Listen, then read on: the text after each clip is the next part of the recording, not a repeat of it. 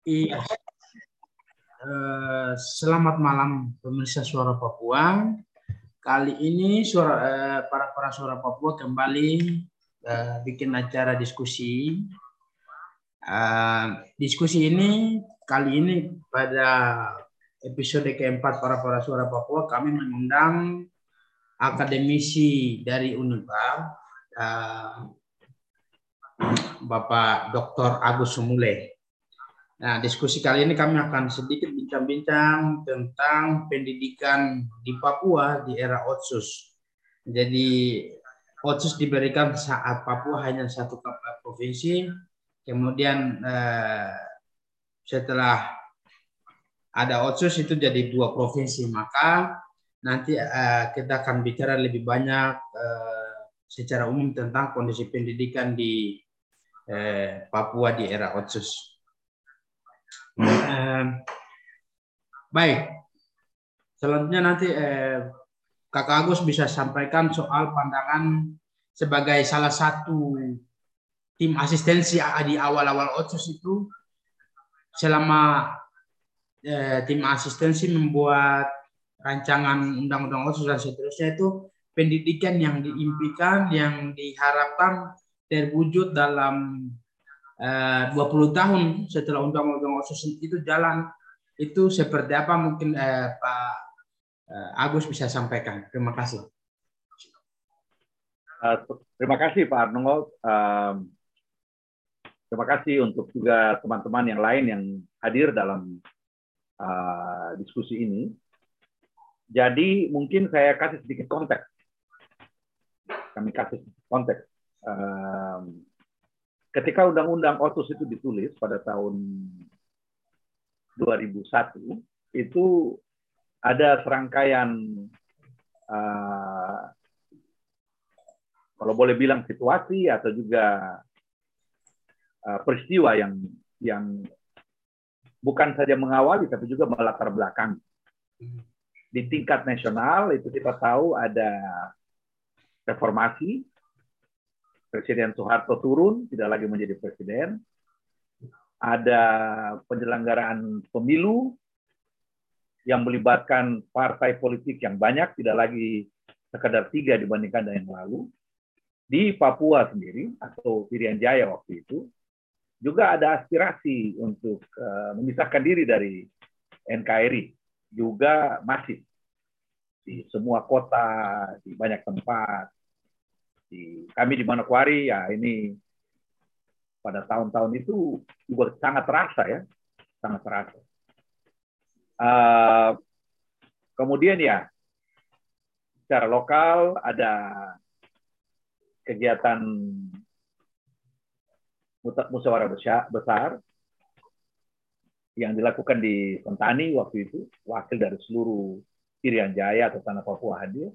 Juga ada delegasi yang biasa kita kenal di dalam berbagai literatur itu sebagai tim 100 yang berangkat ke Jakarta bertemu dengan sangat sopan, dengan sangat terhormat, uh, bertemu dengan Bapak Presiden Habibie waktu itu, dan itu dan ya tentunya meminta untuk berpisah dengan Republik. Dan itu uh, semua terekam dengan baik ya, terekam dengan dengan uh, sampai sekarang ini kita masih bisa baca situasi pada saat itu.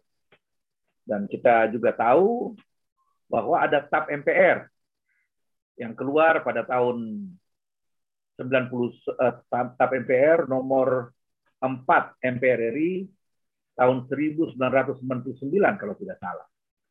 Yang isinya itu mengatur tentang dua hal yang paling prinsip. Itu TAP MPR tentang garis-garis besar haluan negara. Sekarang Indonesia sudah tidak lagi pakai GBHN, katanya mau dipakai lagi kembali.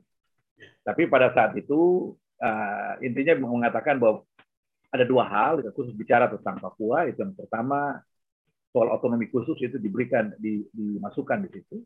Dan kemudian yang kedua itu adalah penyelesaian pelanggaran HAM.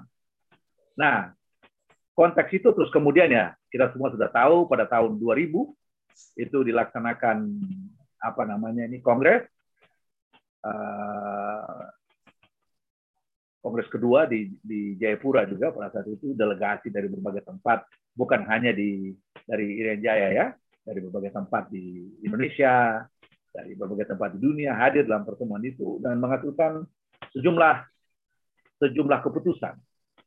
Nah, konteks-konteks itu sangat mempengaruhi eh, apa namanya penyusunan undang-undang otonomi khusus. Di dalam buku yang saya edit itu misalnya kita pakai eh, judul itu mencari jalan tengah.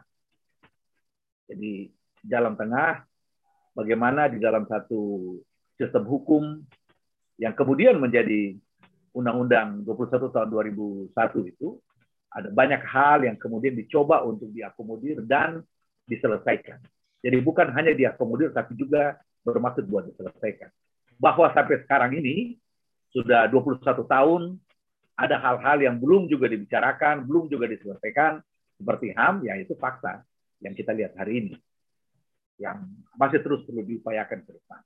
Nah, sesuai dengan tema malam hari ini, itu memang otsus dimasukkan, eh, sorry, pendidikan itu dimasukkan di dalam otsus karena memang kita menyadari bahwa uh, dalam banyak hal ketertinggalan di Irian Jaya waktu itu itu sangat besar kaitannya dengan uh, pendidikan yang belum diberikan untuk semua, pendidikan yang bermutu yang harusnya diberikan kepada semua.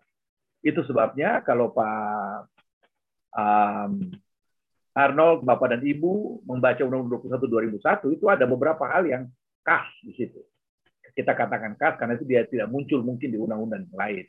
Misalnya contohnya di dalam undang-undang itu uh, kalau saya masih masih ingat dengan baik ya, itu misalnya contoh itu gubernur itu harus S1. Pada waktu itu presiden itu sama SMA di Indonesia ini. Itu menunjukkan adanya semangat buat uh, orang itu ya harus berpendidikan baik lah Terus kemudian juga ada hal yang lain itu di situ dikatakan eh, kurang lebih itu bahwa pendidikan orang di Papua ini jadi itu harus sampai SMA. Bahwa hari ini belum sampai ke situ ya berarti masih harus kita. Tapi cita-citanya sudah sampai setinggi itu. Minimum harus SMA. SMA itu ya juga berarti paket C yang ada sekarang ini. Atau juga waktu itu kita sudah bicara untuk dana itu 30 persen diberikan bagi pendidikan. Itu sudah ada sejak saat itu. Jadi eh, itulah semangat yang ada uh, di dalam undang-undang itu adalah memang untuk menciptakan satu perubahan yang berbasis pada dignity ya, eh, berbasis kepada satu apa namanya itu um, uh, harga diri bagi orang asli Papua yang seharusnya ditunjukkan dengan pendidikan yang baik. Jadi itu itulah kurang lebih uh, yang ada pada saat itu Pak Arman. Baik kakak. Uh, kalau kemudian, eh, kemudian setelah ada undang-undang OCIS itu, kalau dalam satu penyampaian materi yang pernah saya baca dari materi dari Pak Agus sendiri, itu setelah ada setelah dan sebelum ada undang-undang otsus itu ada peningkatan bisa kita lebih mengerucut diskusi ini ke dalam konteks pendidikan. Eh, ya. Jadi kalau sebelum dan sesudah ada undang-undang otsus itu perbedaan ada peningkatan sekolah sekolah-sekolah misalnya. Jadi sebelum sebelum otsus itu pada tahun 2000 tercatat ada sekitar 3000 tiga ribuan sekolah. Terus pada tahun 2018 setelah Undang-Undang Otsus berjalan hampir 20 tahun itu sekitar 6,9 ribu sekolah di tanah Papua. Tapi itu tidak berbanding lurus dengan perkembangan IPM di Papua dan Papua Barat, termasuk juga mungkin kualitas sekolah. Nah ini dari catatan yang pernah Pak Agus sampaikan, sebenarnya kondisi real ini ketika meskipun ada dalam faktanya ada peningkatan jumlah-jumlah sekolah, tapi realnya dari segi uh, kualitas seperti bagaimana? Iya, jadi uh, apa namanya? Betul bahwa pada saat sebelum pelaksanaan itu dan sudah pelaksanaan itu tidak bisa kita katakan bahwa tidak ada perubahan ya. Jadi perubahan itu yang tadi misalnya Pak Anton katakan apa namanya peningkatan dari segi jumlah sekolah. Nah, peningkatan yang paling tinggi dari yang saya tulis itu adalah misalnya dari segi presentasi SMK itu Uh, bukan saja persentase, dari segi jumlah juga. SMK itu meningkat tinggi. Terus kemudian jumlah guru juga meningkat. jumlah murid juga meningkat. Tapi eh, indikator-indikator itu seharusnya juga dibarengi dengan peningkatan mutu. Nah, itu yang kita tidak lihat secara tegas. Misalnya contoh, uh, andai kata kalau misalnya dia punya pendidikan itu dia baik, di banyak penelitian sudah menunjukkan bahwa pendidikan yang baik itu seharusnya juga membuat uh, kesehatan masyarakat juga membaik. Begitu. Pendidikan yang baik itu juga membuat masyarakat seharusnya itu lebih terserap di lapangan kerja. Nah, semua yang kita sebut tadi itu adalah bagian daripada dari apa apa yang kita kenal dengan IPM.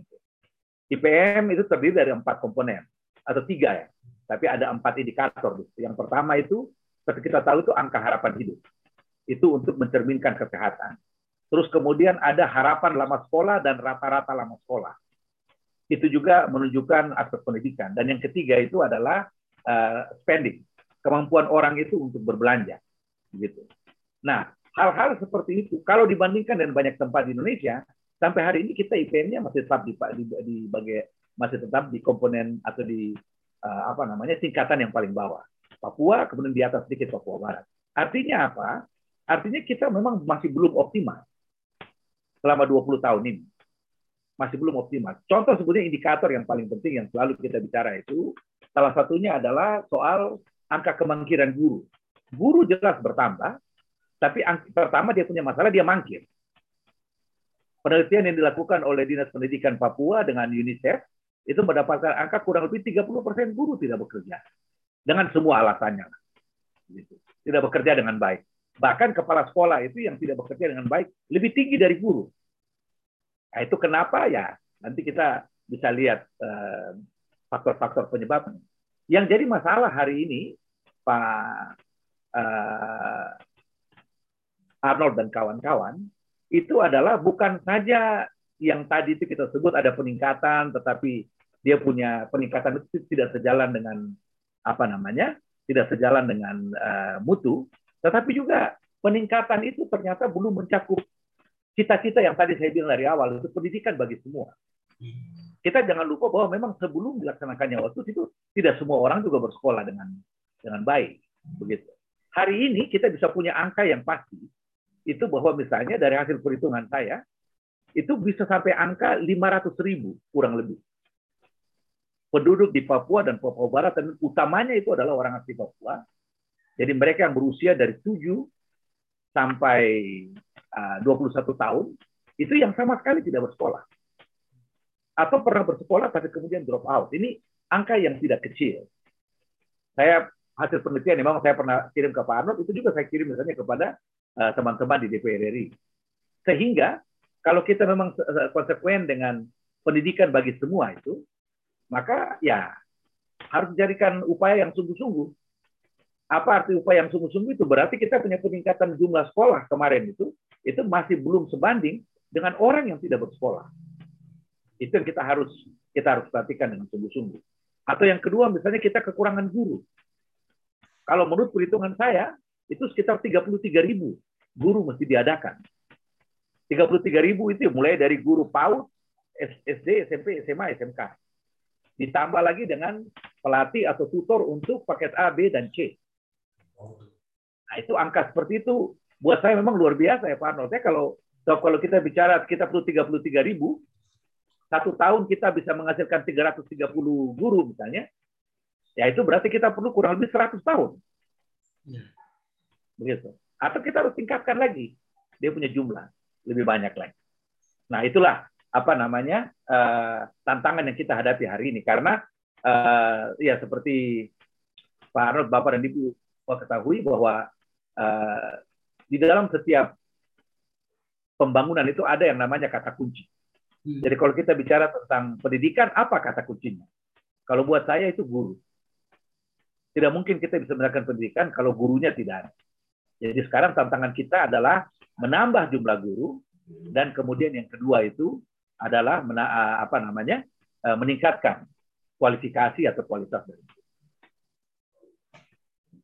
Uh, baik, terus selanjutnya itu kakak, eh, kalau misalnya eh, soal peningkatan jumlah sekolah dengan eh, itu meningkat, kemudian juga yang jadi persoalan lain, kemudian itu dari segi guru. Nah, kalau dari jumlah sekolah-sekolah ini meningkat, eh, kemudian guru-guru yang malas mengajar tadi eh, dari penyampaian eh, Pak Agus bahwa ada 30 persen. Nah, ini kalau misalnya kalau apakah persoalannya itu guru yang malas mengajar atau ini dari hemat Pak Agus sendiri dengan beberapa penelitian yang Pak Agus lakukan soal konteks pendidikan dalam hal kekurangan guru ini. Jadi ini soal kekurangan guru ini disebabkan karena apakah guru yang malas mengajar atau pembangunan gedung-gedung sekolah yang banyak ini tidak melihat ketersediaan SDM guru yang akan mengajar. Ini bagaimana Pak Agus? Ya, eh, yang yang Pak Anton bilang itu, eh, yang Pak Anton, Pak Arnold bilang itu betul. Jadi yang pertama eh, ada 30% guru yang tidak mengajar itu dia punya faktor banyak lah. Ya apa yang kemudian jadi guru tidak uh, lebih suka tinggal di kota misalnya.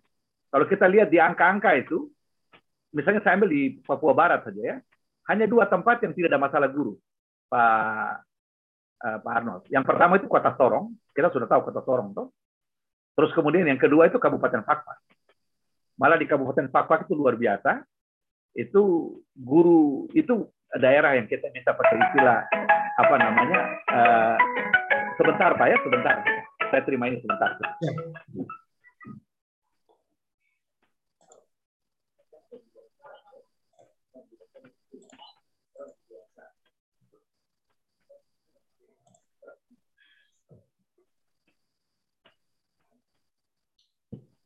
Maaf Pak Arnold.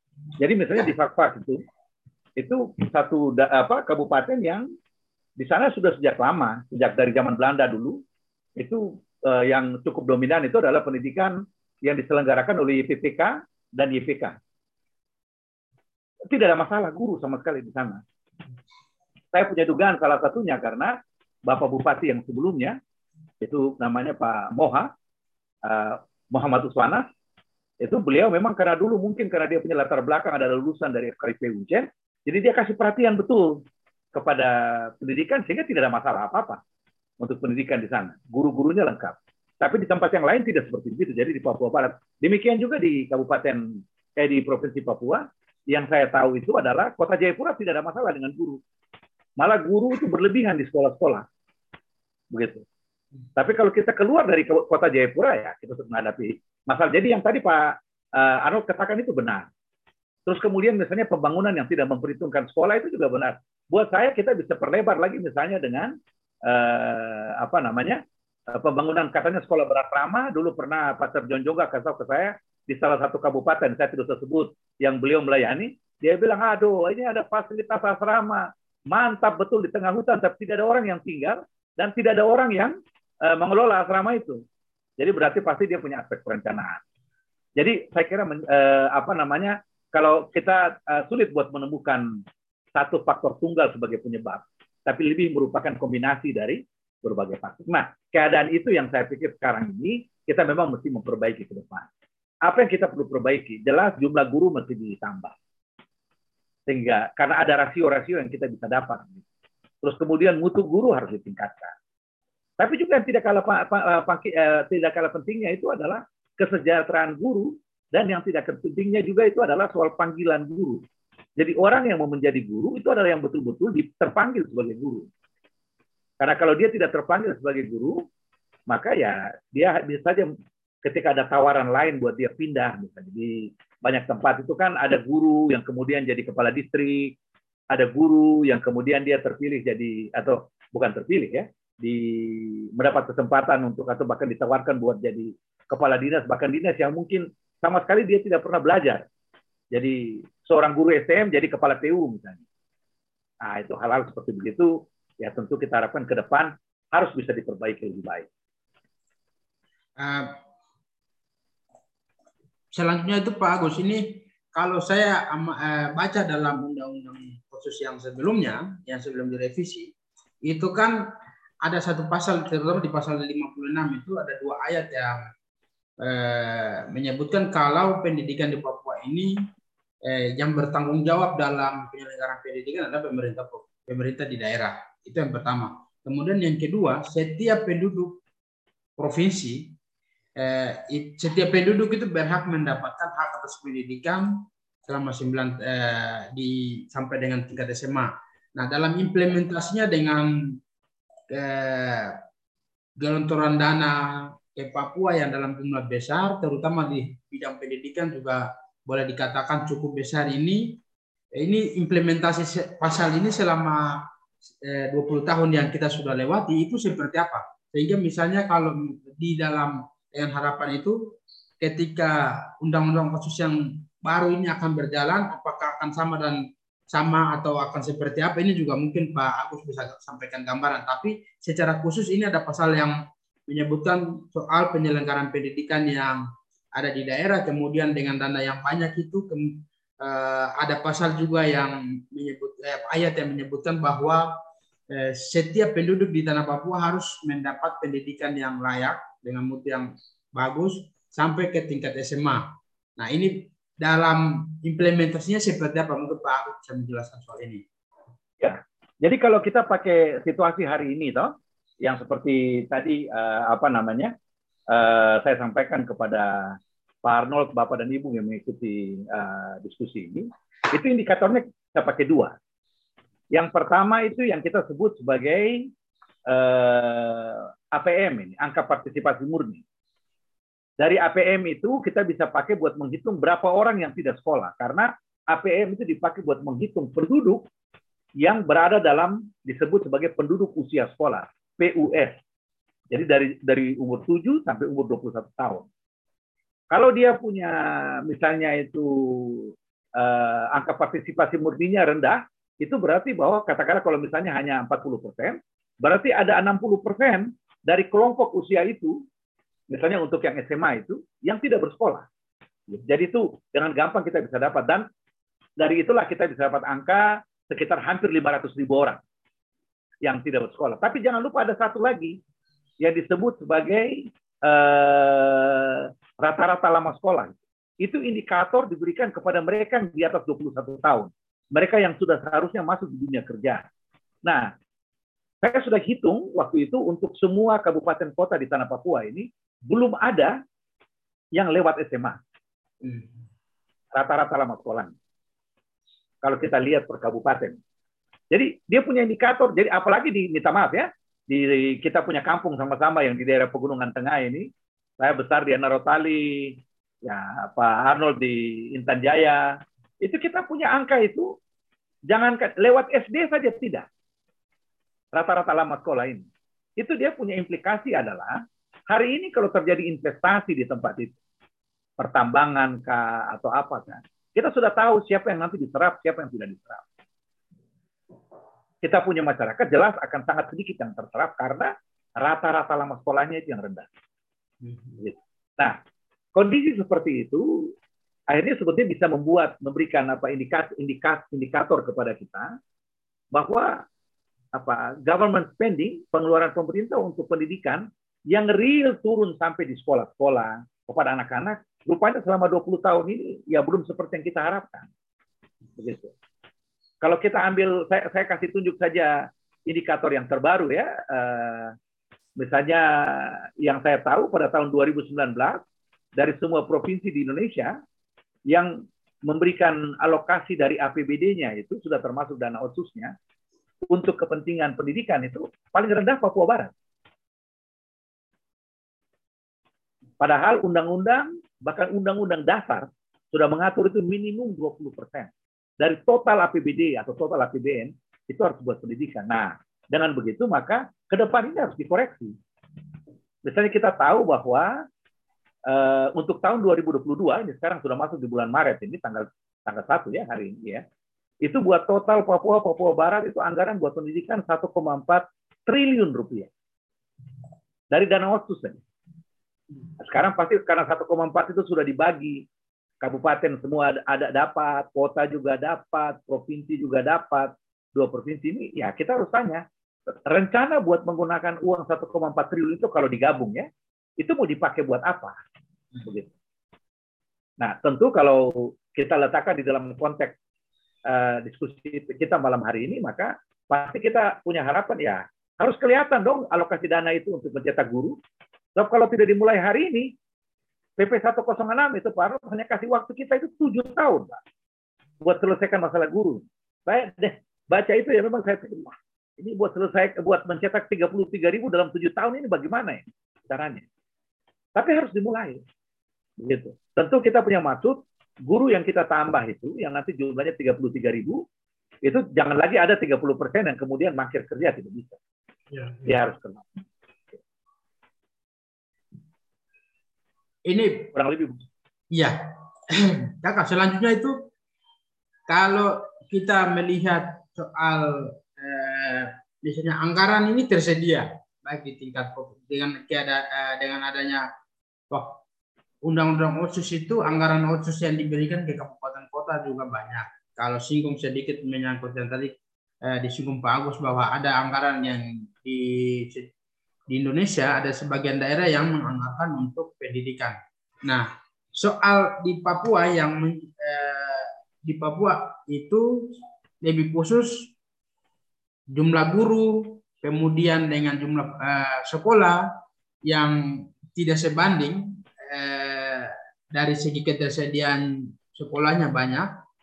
Terus dari segi SDM juga tidak terlalu eh, meski ada tapi banyak yang tidak mengajar misalnya di daerah-daerah lain di Papua ini. Nah ini apakah kemungkinan ini bisa sampai kepada dugaan uang-uang yang tadinya diperuntukkan di Papua ini salah digunakan oleh penyelenggara atau pengambil-pengambil kebijakan di Papua yang menyebabkan eh, mutu kemudian soal kesejahteraan mutu sekolah, kesejahteraan para guru untuk mengajar ya ini mempengaruhi mempengaruhi mereka untuk mungkin bisa men, tidak betah di tempat tugas, kemudian begitu ada tawaran lain bisa beralih profesi dan seterusnya. Ini yang bagus lihat itu seperti apa? Jadi begini Pak, kalau kalau saya saya melihatnya begini Pak Arnold, uh, kita bisa mengatakan bahwa suatu apa namanya jumlah dana itu salah digunakan apabila kita sudah punya rencana untuk menggunakan. Mhm. Kita harusnya mengerjakan A, tapi kita kerja B. Nah, itu jelas, nah, itu artinya kita salah menggunakan. Ya. Persoalannya itu, yang A ini sudah ada atau belum? Kalau kalau rencana buat menggunakan dana itu saja belum ada, itu yang saya rasa berat. Misalnya kita ambil sajalah salah satu kabupaten, misalnya kabupaten A.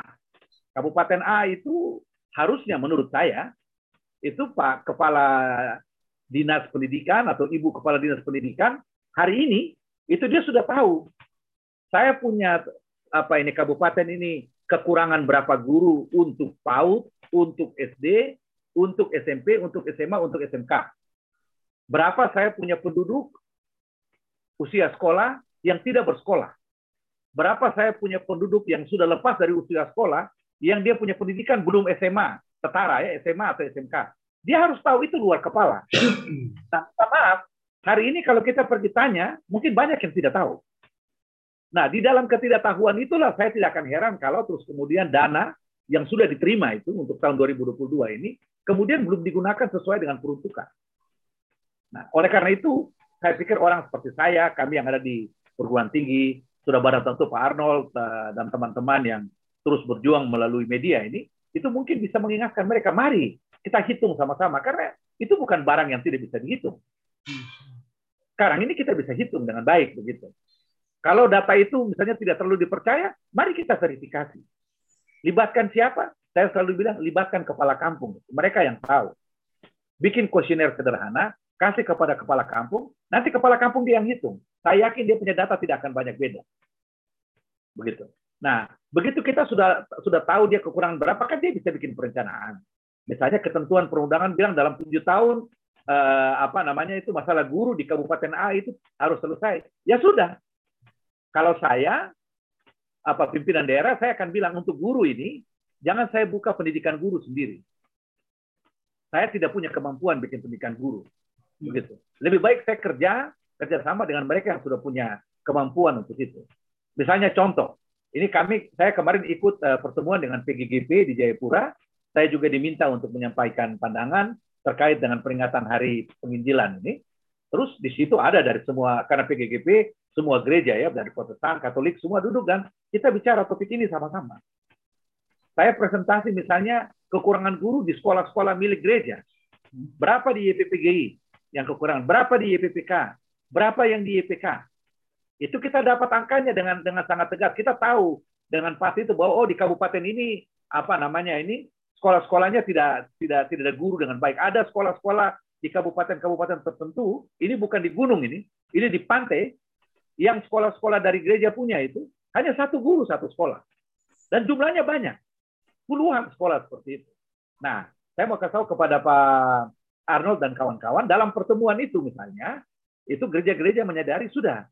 Karena karena masalah guru ini uh, penting, bagaimana kalau sekolah-sekolah teologi, STFT, yang ada di apa di AB Pura, STT, GKI, GIDI, Baptis segala macam ini GPKI di Manokwari, di Manokwari itu terus kemudian berpikir untuk menyelenggarakan misalnya PGSD.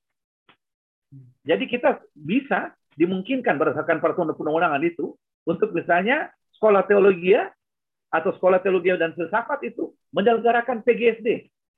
PGSD di dalam 106 itu, PP 106 Pak Arnold, itu sekarang cukup dua tahun buat guru SD. Jadi lulusan SMA, SMK direkrut, dilatih selama dua tahun, terus kemudian mereka ditempatkan. Begitu. Nah itu kita bisa mulai dengan hal-hal seperti itu. Angka 33 ribu itu memang kelihatannya banyak, tapi kalau kita mulai, itu pasti kita secara pelan-pelan tapi terukur itu selesai. Nah, kalau misalnya apa namanya, yang saya dengar itu yang dari gereja Katolik punya misalnya perguruan tinggi untuk guru agama itu terselenggara ada di tiga tempat. Saya dengar begitu. Ada satu di uh, Abipura, ada satu di Waena, ada satu kalau tidak salah di Paniai di di daerah Wagete ya, bukan Paniai ini Paniai lama maksud saya. Juga di situ ada. Sudah, mari kita siapkan sungguh-sungguh. Mungkin kita bisa buka juga untuk Keuskupan Agung Merauke, kita juga bisa buka untuk Mimika, kita juga bisa buka untuk ke uh, Manokwari Sorong, kita juga bisa buka buat Asmat. Kenapa tidak bisa? Begitu. Nah, itu yang harus direncanakan. Nah, Ketika itu direncanakan, Pak, pemerintah daerah harus buka diri. Karena uang itu tidak ada di gereja. Uang itu ada di pemerintah. Jadi pemerintah daerah, kepala dinas ini, Bapeda, itu harus undang mereka dan kemudian mari kita selesaikan. Bila perlu tugaskan sekolah-sekolah guru yang nanti akan dibuka kembali lagi ini, saya katakan kembali karena dulu itu guru sekolah-sekolah guru banyak. Itu dibuka kembali lagi dan kemudian tidak saja sekolah-sekolah guru yang dikelola oleh gereja ini menjawab kebutuhan guru gereja, tapi juga menjawab menjawab kebutuhan guru untuk sekolah-sekolah pemerintah, ya. SD Impres, SD dan lain sebagainya. Jadi saya pikir yang diperlukan sekarang ini tuh Pak Arnold adalah duduk sama-sama, mari kita hitung sampai dapat angkanya. Kenapa? Karena diatur bahwa pendidikan buat guru SD itu harus berasrama. Ada yang namanya PPG juga Pak, Pak Arnold. Itu namanya pendidikan profesi guru. Itu buat SMP, SMA, SMK mereka yang direkrut buat SMP, SMA, SMK itu adalah lulusan perguruan tinggi berbagai bidang ilmu. Itu dimungkinkan berdasarkan peraturan. Jadi misalnya Pak Arnold, saya punya mahasiswa di Unipa ini, misalnya dia lulusan teknik. Terus kemudian ya dia punya hati, Tuhan panggil dia buat jadi guru. Nah, dia perlu dilatih selama dua semester. Tapi dalam pendidikan berasrama. Sehingga dia dilatih dari pagi sampai malam selama kurang lebih dua semester. Habis itu dia jadi guru sesuai dengan dia punya bidang. Kalau misalnya dia dari teknik, katakanlah di sini dari teknik sipil, berarti dia bisa jadi guru di satu SMK uh, eh, yang dia punya rumpun itu adalah rumpun teknik sipil dan seterusnya dan seterusnya. Nah, jadi jadi saya pikir kembali kepada pertanyaannya Pak tadi, ketika kita tidak punya rencana tertulis secara berjenjang kita melakukan apa, pada saat itu terus kemudian dana itu kemudian terjadi tidak tahu kita mau pakai buat apa ya. 1,4 triliun ini kedengarannya besar, tetapi kita, ketika kita susun dalam anggaran, maka dia tidak menjadi besar lagi. Karena sudah jelas mau dipakai buat apa. Nah, di situlah pentingnya terus kemudian para apa namanya para uh, pengambil kebijakan ini, baik yang ada di pemerintah maupun yang ada di DPR, baik di provinsi maupun di kabupaten kota, coba duduk sama-sama dan kita rumuskan. Uang itu mau dipakai buat apa? Karena Pak jangan lupa, 1,4 triliun buat pendidikan ini sudah dibagi buat 2022 ini. Kalau tidak segera didorong untuk bikin dia punya perencanaan, ya sudah, uang itu akan dipakai buat barang lain. Ya. Baik, Pak Agus. Selanjutnya itu dari pemaparan eh, sebelumnya, bukan di diskusi kali ini, tapi sebelumnya itu Pak Agus sempat menggambarkan kondisi pendidikan dengan tadi di awal-awal kita singgung soal kualitas guru, terus kemudian kualitas Eh, terus penambahan jumlah bangunan sekolah dan lain-lain. Tapi dalam konteks temuan yang Pak Agus sampaikan beberapa waktu lalu, itu secara rinci di Papua dan Papua Barat dari 500-an ribu siswa tidak sekolah ini akan sebetulnya ada dampak ke depan yang dalam jangka panjang. Misalnya ini kalau 500-an ini 500-an ribu ini dibiarkan tidak sekolah tidak di apa namanya tidak dilihat sebagai satu persoalan yang perlu diatasi, yang ini akan tentu mempengaruhi IPM, kemudian akan menciptakan angka pengangguran tinggi dan dan lain-lain dan lain-lain dari apa eh, turunan dari jumlah ratusan ribu yang tidak sekolah ini. Nah, dalam konteks ini dari apa yang menurut Pak Agus tepat untuk misalnya mengatasi persoalan jumlah jumlah siswa usia sekolah yang tidak sekolah sampai ratusan ribu ini eh, bisa diatasi sebagai sebuah persoalan. Sekarang begini Pak, uh, saya, ambil yang saya ambil yang di luar sekolah saja dulu ya, yang pendidikan formal karena kita sudah bicara itu dari tadi. Mari kita bicara misalnya tentang mereka yang sudah di atas 21 tahun, tapi belum bisa baca tulis. Jadi kalau kalau di dalam sistem yang dikelola oleh kementerian itu, kita bilang bahwa mereka itu belum terlibat di dalam paket A. Jadi Karena kalau paket A dia luluskan, dia SD. Setara SD, dia bisa masuk ke SMP normal. Kalau dia sudah lulus paket A, dia bisa paket B. Kalau sudah lulus paket B, dia bisa lulus paket C. Paket C itu sudah sama dengan SMA. Sekarang saya punya pertanyaan begini kepada kita kita semua. Karena kebanyakan dari mereka ini adalah tinggal di kampung-kampung, logikanya itu institusi apa yang sebaiknya dilibatkan dalam upaya buat menyelenggarakan paket A, B, dan C. Siapa yang harus menyelenggarakan itu? Minta maaf kalau pemerintah yang turun buat saya ini dunia kiamat juga tidak akan jadi. Nah, ini saya bicara terus terang. Karena kalau memang sudah jadi perhatian pemerintah, dia sudah kerja dari, dari dulu. Dia sudah buat itu dari 20 tahun lalu. Tapi kan tidak terlaksana. Nah, kalau buat saya, libatkan gereja secara spesifik itu jemaat-jemaat. Mungkin gereja Katolik itu ya stasi-stasi, stasi, paroki. Kenapa? Karena tidak mungkin orang yang ada di stasi, di paroki, pewarta, guru Injil, itu tidak bisa baca tulis. Kan tidak mungkin. Ya, dia baca Alkitab, kemudian jelaskan berkhutbah pada hari Minggu kan, dia harus orang yang sudah. Dia satu-satunya yang bisa kita jadi apa? Jadi jadi harapan kita. Nah, kalau memang itu yang ada di apa yang ada sekarang modal kita, kita punya modal manusia itu adalah mereka ini.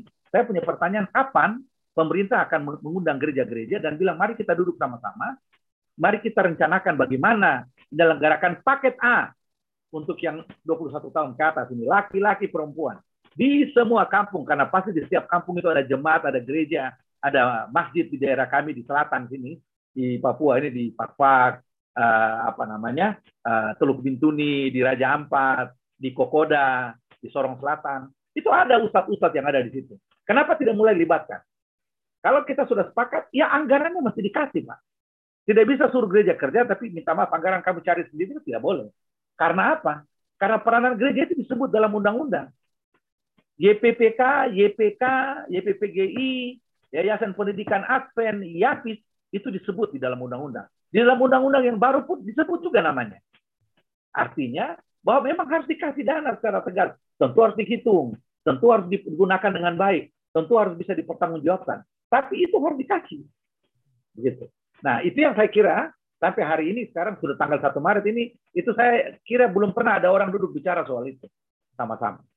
Saya lewat satu kali di apa namanya di Jayapura masuk di ada toko buku di Eh, di lantai dua itu. Itu ada nona yang jaga itu orang Mei itu Yaimo. Saya cerita cerita dengan dia saya lihat ada satu buku. Oh pak sabar saya ambil bukunya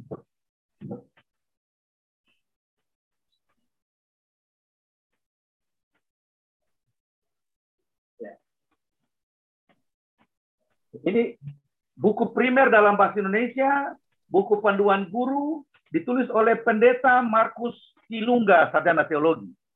Untuk apa? Untuk bagaimana mengajar. Ya.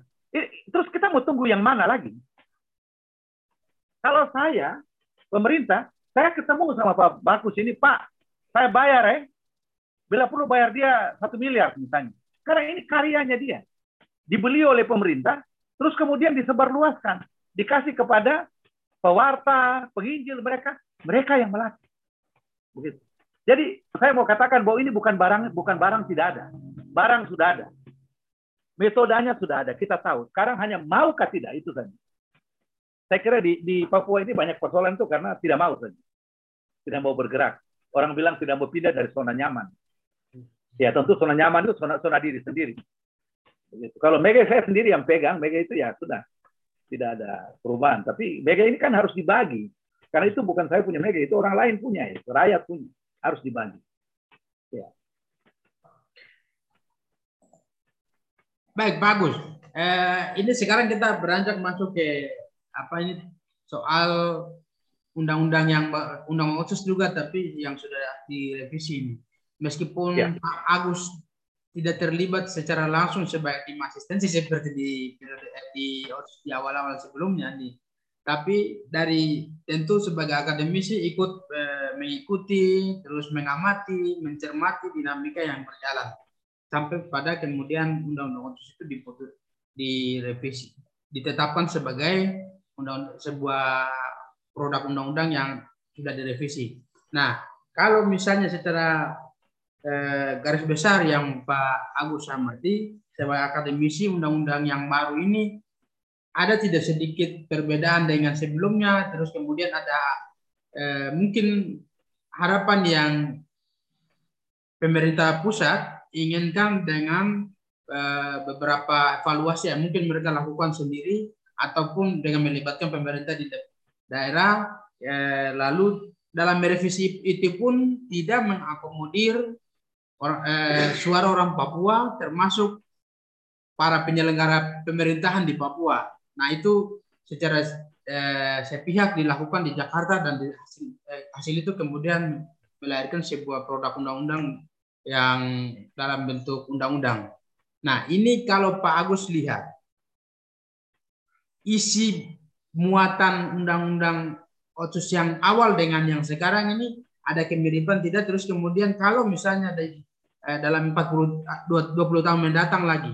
Ini yang Pak Agus eh, bayangkan dari produk undang-undang otsus hasil revisi ini seperti apa untuk konteks Papua dan Papua Barat. Mungkin juga bisa singgung sedikit tentang uh, yang sudah muncul di permukaan adalah soal uh, bagaimana pemerintah pusat apa, merencanakan pemekaran provinsi itu juga mungkin salah satu dan bagian dari uh, hasil revisi undang-undang otsus itu. Silakan Pak Agus. Ya, jadi apa yang dikatakan oleh Pak Arnold dan kita semua tahu itu benar. Jadi uh, konsep yang disiapkan oleh pemerintah sudah dalam bentuk waktu itu pada tahun 2020 ya. Uh, sudah dibuat dalam bentuk apa namanya ini surprise ada dia punya rencana undang-undang rencana perubahan undang-undang maaf naskah akademiknya itu beredar luas di masyarakat jadi kita semua sudah tahu dan pada saat itu kalau Pak Arnold uh, kita dalami itu kan intinya hanya dua saja sebetulnya yang diajukan itu. Yang pertama itu adalah terkait dengan dana. Karena eh, secara undang-undang kalau tidak ada perubahan terhadap undang-undang itu maka dana otsus dia terakhir berakhir tahun 2021. 2022 sudah tidak akan mungkin diperpanjang lagi karena memang dia berakhir 2021 itu satu. Tapi juga yang kita tahu pemerintah juga kasih masuk tentang eh, apa namanya soal kewenangan melakukan pemekaran itu juga dilakukan oleh uh, juga dimiliki oleh pemerintah. Itu konsepnya kurang lebih begitu. Di dalam proses terus kemudian perubahan-perubahan itu uh, apa namanya uh, terjadi. Misalnya soal kewenangan juga disinggung uh, dan lain-lain. Uh, dan itu proses yang berlangsung di DPR. Uh, memang kalau apa namanya kita tanya, pasti Kemendagri bilang, ah siapa bilang kita tidak melibatkan? Kita sudah kirim surat dari tahun 2019 malah supaya memberikan masukan-masukan dan itu ditembuskan baik ke DPRP maupun kepada MRP. Nah, itu satu. Tapi misalnya juga kita tahu bahwa misalnya MRP mengatakan ya bagaimana mau kirim masukan kalau evaluasi saja tidak pernah dibuat begitu. Nah, pemerintah pusat pasti akan mengatakan siapa bilang evaluasi tidak pernah dibuat? Kita lakukan evaluasi tiap tahun. Terus kemudian ya buat kita semua masyarakat yang apa lihat menonton kita bilang oh iya itu juga tidak pernah kasih tahu jadi kita mau tahu sudah dibuat hasilnya apa juga kita tidak pernah tahu gitu. Nah tapi saya kira begini eh, khusus mengenai soal pelibatan khusus mengenai soal apa namanya itu kan sekarang sementara bergulir di MK. Nah nanti kita dengarlah dari MK kira-kira bagaimana keputusannya karena ini lembaga yang independen eh, MRP sudah hadir secara resmi, sudah melibatkan sejumlah apa namanya, sejumlah pengacara kawakan. Nanti kita lihat di situ. Uh, tetapi saya uh, ingin jawab kepada Pak ini misalnya terkait bagaimana dia ke depan. Dia punya perubahan itu. Yang pertama saya mau katakan bahwa ini perubahan. Jadi semua yang tidak disebut di dalam 2 2021 ini tetap berlaku. Misalnya ada teman misalnya tanya itu mengenai KKR, mengenai pengadilan HAM, mengenai apa namanya ini eh, eh, perwakilan Komnas HAM. Itu di dua, dua 2021 tidak ada. Nah, jawaban dari saya dan saya kira apa yang saya katakan ini juga dibenarkan oleh uh, apa namanya para ahli hukum yang lain kalau mereka misalnya mengikuti bahwa karena ini hanya perubahan jadi kalau dia tidak muncul ya tetap berlaku yang di 21 tahun 2001 begitu. Nah, tentang bagaimana caranya hal itu mau dilakukan ya itu memang terbuka lagi buat kita sama-sama berpikir bagaimana misalnya kalau KKR itu menjadi jalan keluar, Komisi Kemudahan dan, dan Rekonsiliasi, sesudah 20 tahun dia sama sekali tidak bergerak, bagaimana ke depan? Apakah misalnya, misalnya ini contoh saja, apakah tidak sebaiknya dua gubernur kemudian lebih berperan, begitu, lebih mendorong? Kita kan selama ini tidak pernah tahu kalau ada surat yang pernah dikirim ke pemerintah pusat, eh kapan kita bicara dengan ini? Komisi kebenaran. Kan komisi kebenaran dan rekonsiliasi mesti dimulai dengan mencari kebenaran itu dulu. Karena tugas di situ dikatakan melakukan klarifikasi sejarah, toh ya sudah, mulai sudah, begitu. Nah, apakah kita masih mau tunggu atau kita buat seperti teman-teman di Aceh? Di Aceh mereka jalan sendiri. Nah, hasilnya bagaimana? Nah, itu nanti kita lihat. Itu hal yang pertama, Pak. Juga kemudian misalnya soal-soal tentang anggaran itu kalau buat saya ada ada perubahan penting ini di sini Pak Arnold yang ada di 2 2021. Bukan saja jumlah anggaran dari 2% itu menjadi 2,25% persen yang disebut dana khusus itu, tapi juga definisi terhadap yang disebut sebagai dana infrastruktur. 20 tahun yang lalu, definisi buat dana infrastruktur itu hanya satu, perhubungan. Jadi dampaknya bagi pendidikan itu hampir tidak ada. Karena kita bicara pendidikan dan juga ya saya bekerja di sebagai guru, sebagai dosen ya. Tetapi di dalam undang-undang yang sekarang ini, dana infrastruktur itu ada bicara empat hal, Pak. Ada bicara tentang perhubungan ya, terus kemudian yang kedua itu energi listrik, yang ketiga itu adalah apa namanya ini air bersih, dan yang keempat itu telekomunikasi. Jadi empat ini harus disentuh. Nah, tetapi untuk dapat dana itu tiap tahun mesti diperjuangkan dan didiskusikan di dewan. Jadi sekarang kalau buat saya di dalam perencanaan yang dilakukan oleh Bapeda tidak bisa dia hanya mengundang PU saja seperti di waktu dulu. Kalau saya malah saya apa namanya menyarankan sebaiknya untuk kita bicara tentang empat hal ini yang tadi itu dikaitkan dengan pembangunan SDM. Gitu. Contohnya, misalnya kita ambil energi listrik. Bisakah energi listrik itu di, di apa namanya dibicarakan, tetapi fokus terutama supaya tidak boleh lagi ada sekolah yang tidak ada listriknya. Tidak boleh lagi ada puskesmas atau klinik yang tidak ada listriknya. Itu itu contoh sederhananya. Atau misalnya karena sekarang semua serba internet, bisa tidak semua sekolah di tanah Papua ini harus punya koneksi internet. Karena itu perintah undang-undang. Begitu. Nah, saya kira ini atau uh, tidak boleh lagi ada sekolah yang tidak ada air. Air harus tersedia melimpah di setiap sekolah. Mau bikin sumur kah, mau pasang dari sungai kah, tetap harus ada. Karena ini yang ini yang juga kita bicara ya dan pernah kita diskusi juga dengan Pak Arnold itu. Kalau misalnya hal ini ada Pak Arnold, yang empat yang saya bilang tadi itu, maka tidak saja kita perlu guru, Tapi kita juga perlu namanya tendik, tenaga pendidikan. Seperti apa? Laboran, dan yang kedua itu pustakawan.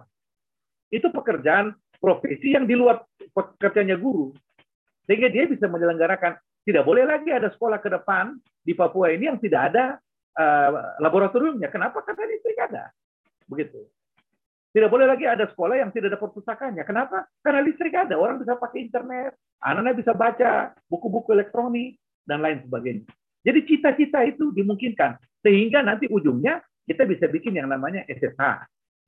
Sekolah sepanjang hari. Anak-anak ini apa di eh, Yayasan Pesat kan bikin sekolah apa TK berasrama itu kan sudah sejak sudah sejak tahun 80 eh tahun 90-an dibikin di Bilogai. Kita tahu itu. Tapi hari ini masih jalan di Nabire, masih ada di Ransiki. Itu contoh-contohnya. Mereka bisa lakukan itu kenapa? Karena memang yang ada itu mereka bisa adakan hal yang tadi kita sebut. Nah, itu juga kita perlu lakukan. Nah, terkait dengan itu, yang tadi Pak bilang mengenai soal pemekaran ini, buat saya pertanyaannya sederhana. Pertanyaan sederhana. Semua yang kita bilang tadi, apakah memang memerlukan pemekaran supaya dia bisa jalan? Aduh, minta maaf. Kalau saya, saya dia punya jawaban tidak. Bahkan ada hal-hal yang kita mesti lihat dengan sungguh-sungguh. Misalnya tadi atau waktu itu Ibu Maria Baru telepon saya dari seorang wartawan, adik itu hebat ya, dari suara Papua. Ya kami dua diskusi. Jadi saya bilang begini, saya tanya, saya bilang, eh, apakah kita sudah pernah bicara, ya bukan saya tanya dia, saya tanya kepada ya siapa saja yang membaca artikel yang Maria tulis itu, apakah kita sudah pernah bicara mengenai hasil dari Babo itu? Itu nanti kalau pemekaran dia masih sampai ke Papua Barat Daya kan? Kan tidak, jawabannya tidak. Karena memang selama ini tidak. Atau kalau kita bicara Freeport, kalau nanti pemekaran jadi empat itu, apakah hasil dari Freeport itu juga yang selama ini bukan tidak ada, bahwa dia belum optimal itu ya itu soal lain, tapi bahwa dia sudah ada dan menghasilkan dibagi, kan dibagi oleh Provinsi Papua dan Mimika. Begitu. Begitu kabupaten eh, provinsi itu dia berdiri sendiri, dia tidak akan mengalir satu tetes pun ke yang namanya sekarang Papua. Tidak. Ya, mungkin nanti yang yang masuk di situ nanti yang menikmati. Katanya, kalau saya tidak salah itu kan Paniai uh, Paniai Dohiai Deyai Intan Jaya. Mimika. Begitu. Ya sudah, mereka saja yang nikmati itu. Tidak tahu puncak juga dapatkah, saya kurang tahu. Nah, tapi itu sudah pasti berarti untuk yang Papua Pegunungan Tengah kan tidak akan dapat apa-apa. Padahal justru di situlah persoalan IPM kita yang terbanyak. Lah, terus dia mau dapat duit dari mana? Ya saya selalu tanya, yang macam-macam gini orang pikir kah yang begitu-begitu itu. Kalau tidak pikir ya dong.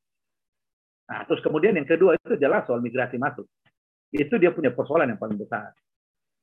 Di mana-mana kita sudah punya pengalaman 20 tahun.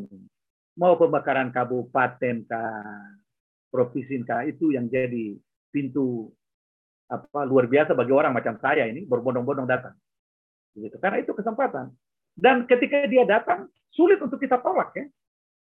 Karena ketika kita punya IPM juga seperti itu, misalnya kita tahu mencari seorang akuntan itu kan tidak gampang.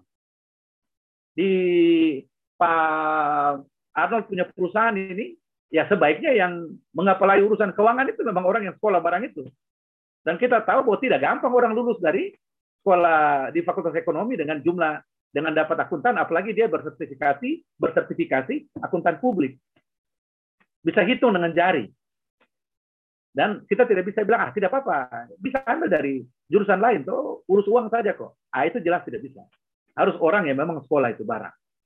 Jadi yang saya ingin katakan itu, yang terkait dengan soal pemekaran tadi, memang ada pertanyaan-pertanyaan mendasar yang kita harus jawab. Itu sebabnya, menurut hemat saya, apa yang diatur di dalam undang-undang yang baru ini, walaupun disebut bahwa pemerintah mempunyai kewenangan, tidak boleh diartikan bahwa kalau begitu saya bikin saja saya punya mau, kamu yang lain tidak perlu tahu. Itu juga keliru. Kan argumen yang mereka pakai itu adalah bahwa akan pada akhirnya harus pakai undang-undang. Undang-undang itu kan yang membentuk adalah presiden dengan DPR. Iya, tapi kan tidak berarti terus kamu bikin sendiri. Itu yang kalau bikin sendiri itu yang keliru. Begitu. Nah, tidak boleh juga dari awal sudah a priori. Soalnya kalau muncul dari awal dari bawah nanti mereka tidak mau. Bukan mereka tidak mau, datang dengan data boleh. Itu saya waktu malam itu dalam diskusi dengan Maria, ada satu perguruan tinggi yang terlibat, dia datang wawancara saya di Manokwari, terus kemudian saya tanya sama dia, Pak, itu bagaimana bisa Bapak baru mau susun dia punya naskah akademik sekarang, sementara dia punya rancangan undang-undang sudah selesai.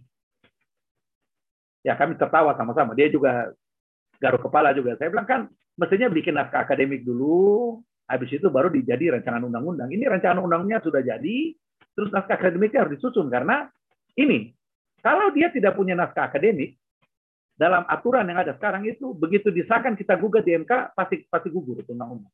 Karena tidak melalui kajian begitu. Nah ini saya belum pernah sampai hari ini lihat dia punya kajian. Untuk bikin apa namanya misalnya contoh gitu yang tadi.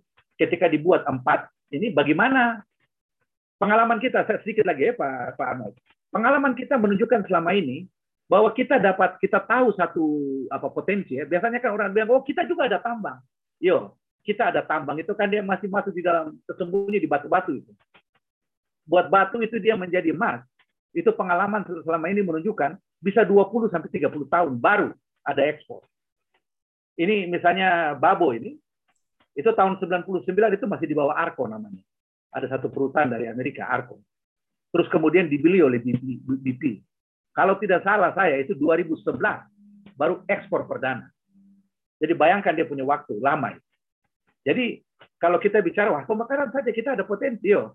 Pas baru mau mulai kerja perlu waktu 10 15 tahun waktu jilid dua sudah selesai. Terus bagaimana? Nah, hal-hal yang seperti itu yang saya dorong. Saya bukan orang yang anti pemekaran sama sekali tidak. Itu harus sampaikan tegas melalui medianya Pak melalui medianya Pak Anu. Tapi yang saya dorong itu coba duduk kak, bicara, lihat data, baru sama-sama timbang. Ini dia betul ada manfaat atau tidak?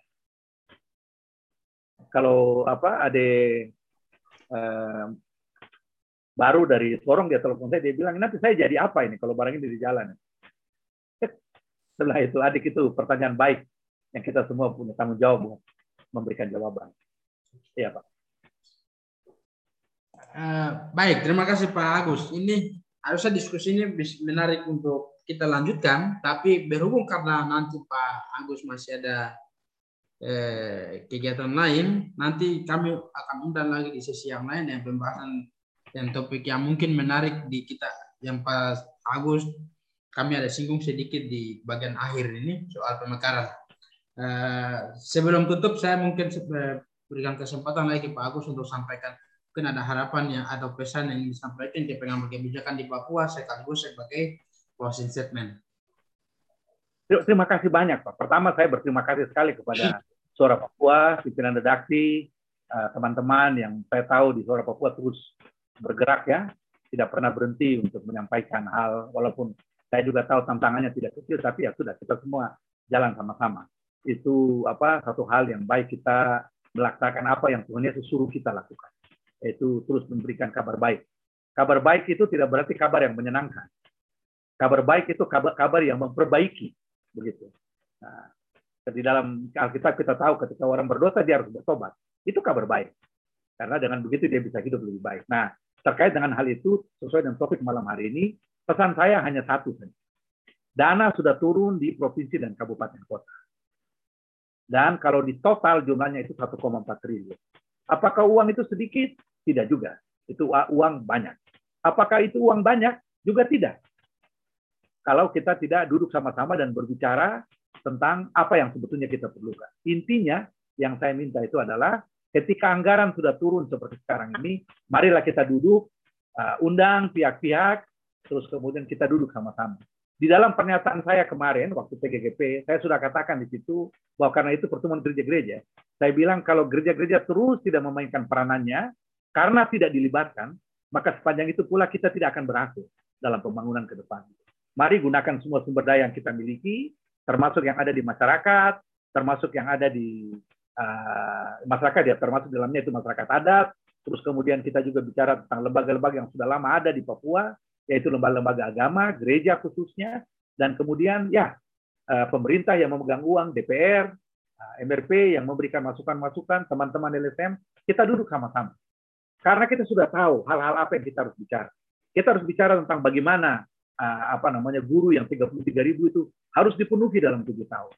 Kita harus memberikan kesempatan kepada anak-anak kita yang jumlahnya 500 ribu itu, hampir 500 ribu orang yang tidak bersekolah atau pernah bersekolah kemudian berpaut, itu bukan jumlah kecil.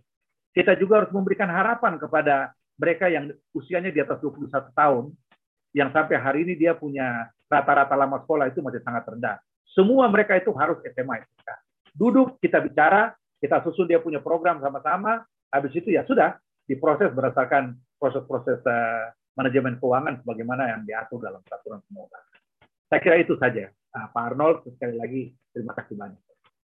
Terima kasih banyak Pak Agus. Terima kasih untuk semua pemirsa suara Papua yang sudah ikuti diskusi ini dari awal. Eh, kami berharap untuk ada lagi diskusi semacam ini nanti akan suara Papua hadirkan. Terima kasih untuk eh, pemirsa. Terima kasih untuk Pak Agus. Saya kira diskusi malam ini kita bisa eh, kita akhiri sampai di sini. Terima kasih banyak Pak Agus. Terima kasih, terima kasih. Amakan nih. Hormat kakak, makan.